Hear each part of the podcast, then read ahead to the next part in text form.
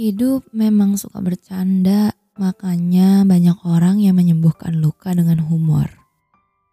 Gak ada manusia yang bisa bercanda ketika lukanya belum benar-benar sembuh. Mereka yang terluka akan selalu tersinggung hanya karena lukanya belum sembuh. Mereka yang sangat sensitif mungkin hanya ingin sembuh, namun mereka mungkin tidak tahu bagaimana caranya. Mereka terlalu sering dibuat marah oleh dunia. Mereka ingin mengendalikan dunia, tapi sebenarnya kita tidak punya kendali apa pun terhadap semesta. Dunia memang suka bercanda dengan takdir manusia. Beberapa manusia sudah berusaha sekuat tenaga, namun mereka malah tidak mendapatkan hasil yang manis. Akhirnya, mereka menyalahkan dunia. Mereka mulai tenggelam dan menyerah.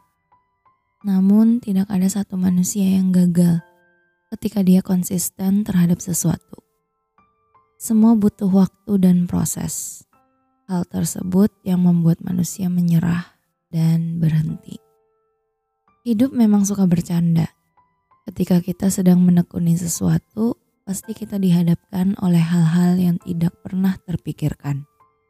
Berkali-kali kita jatuh, namun percayalah, di setiap tragedi pasti ada pembelajaran yang kita ambil. Apa pun itu selama tidak menyerah, pastinya semesta akan memberi kita reward. Meskipun hidup suka bercanda terhadap tragedi manusia. Tapi aku masih percaya bahwa apa yang aku kerjakan tidak pernah sia-sia. Sama seperti aku menuliskan setiap kalimat di setiap minggunya. Aku juga tidak menyangka bahwa aku masih memiliki beribu kata untuk dibagikan. Meskipun terdengar seperti pengulangan, aku rasa semua orang masih butuh untuk diingatkan kembali.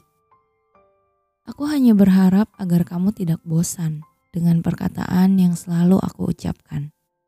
Seperti sebuah mantra yang diulang terus-menerus. Berharap masa depanku akan secerah ucapanku. Hidup itu suka bercanda. Makanya para komika juga mengatakan bahwa sebuah tragedi yang telah berlalu akan berubah menjadi sebuah komedi. Begitulah hidup. Di saat kita sedang terserang suatu musibah dan masalah, perasaan, hati, dan pikiran akan kacau. Sebagai manusia biasa, tentu saja aku berpikir bahwa duniaku telah selesai. Aku juga berpikir bahwa masa depanku akan hancur dan gak bisa kembali menjadi utuh lagi. Namun setelah aku jalani hari demi hari, ternyata hidupku gak seburuk itu.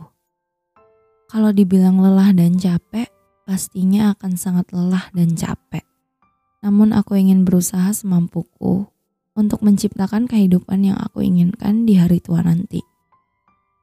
Aku nggak tahu berapa lama aku akan hidup di dunia ini. Namun aku percaya bahwa apa yang aku jalani ini adalah perjalanan yang sangat indah. Meskipun aku harus melewati berjuta-juta badai, aku yakin bahwa hidupku tentang pilihan yang aku buat. Dan aku tidak ingin menyesali hal tersebut. Aku sempat bodoh dalam mengambil keputusan Aku sempat tersesat karena pilihan yang aku buat sangatlah jelek. Konsekuensi yang aku ambil terlalu absurd, sehingga membuatku hilang arah dalam kegelapan. Namun aku belajar banyak hal dari kejadian tersebut. Aku belajar bahwa manusia tidak ada yang sempurna, dan semua pilihan tidak ada yang sempurna. Aku selalu berusaha untuk menjadi yang terbaik, Aku selalu berjuang untuk tidak melakukan kesalahan apa pun. Aku banyak belajar dari pengalaman orang lain serta pengalaman yang telah aku lalui. Namun tetap aja, aku masih mengambil sebuah keputusan yang salah. Tak peduli seberapa pintar diriku, suatu hari nanti aku pasti akan mengambil sebuah keputusan yang salah. Dan dari situlah aku belajar bahwa ternyata hidup sebagai manusia memang tidak bisa sempurna. Jadi aku belajar untuk menerima semua kekuranganku. aku juga belajar untuk memperbaiki sesuatu yang salah dan percaya apa yang ada di dunia ini masih banyak hal-hal yang bisa diperbaiki. Sebagaimanapun kehancurannya, semua hal masih bisa dibangun lagi dari nol. Bagaimana rasanya kehilangan semuanya dalam sekejap, padahal hasilnya sudah dikerjakan seumur hidup.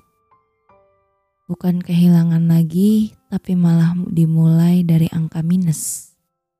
Banyak kejadian yang absurd terjadi di dunia ini. Banyak orang jahat yang hanya ingin mengambil hak orang lain. Sebagai korban, mereka tidak tahu bagaimana caranya melindungi diri. Mereka berpikir bahwa jika tidak memberi, maka mereka akan celaka. Di sinilah kejamnya dunia. Manusia saling memanipulasi satu dengan yang lainnya hanya demi mendapatkan harta dan tahta. Siapa yang paling kuat, dialah yang bertahan. Dunia rasanya tidak adil orang yang telah membangun semuanya dari awal, merawatnya dengan baik, sehingga menghasilkan buah yang baik. Dan itu semua harus direnggut oleh seseorang yang tidak mengerti pahitnya kehidupan dan tidak pernah menghargai sebuah proses. Namun ya balik lagi, hidup itu memang suka bercanda yang penuh dengan bencana. Tak jarang aku melihat kisah seseorang yang ditipu hingga hartanya terkuras. Mereka tertipu bukan karena mereka bodoh. Mereka tertipu karena mereka peduli terhadap sesama manusia. Dan yang menipu biasanya adalah orang yang paling dekat dan terpercaya. Tak heran zaman sekarang trust issues ada di mana-mana. Karena manusia memang tidak layak untuk dipercayai. Manusia memang sangat mudah membuang dan memanfaatkan seseorang. Menjadi orang yang tulus dan baik sangat banyak ruginya. Orang baik hanya akan dibully oleh dunia. Orang baik sekarang jadi negatif. Mungkin memang manusia tidak lagi membutuhkan orang baik. Manusia hanya memerlukan arti kata cukup dan bersyukur. Rasa tamak dalam diri manusia harus dikendalikan. Karena rasa tamak itulah yang merugikan manusia. Rasa tamak itulah yang bisa mendorong manusia lain untuk melakukan hal yang jahat. Rasa tamak bisa menimbulkan rasa iri, dan rasa iri ini bisa mencelakakan manusia. Pikiran jahat yang sudah menjadi aksi akan berjamur di mana-mana.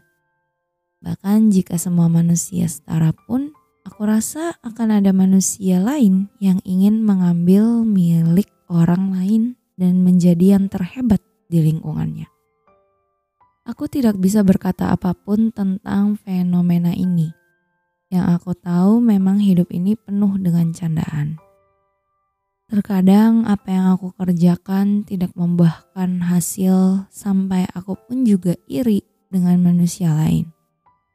Tapi terkadang ketika aku merasa cukup dan terus bersyukur, aku malah mendapatkan sebuah rejeki yang tidak pernah aku duga. Bagiku, berusaha untuk mengambil hak orang lain adalah hal yang sangat melelahkan. Rasa iriku berhenti di sana. Aku tidak ingin hidup dalam kecemasan, karena aku tahu bahwa jika aku mengambil yang bukan milikku, maka hatiku tidak akan pernah tenang.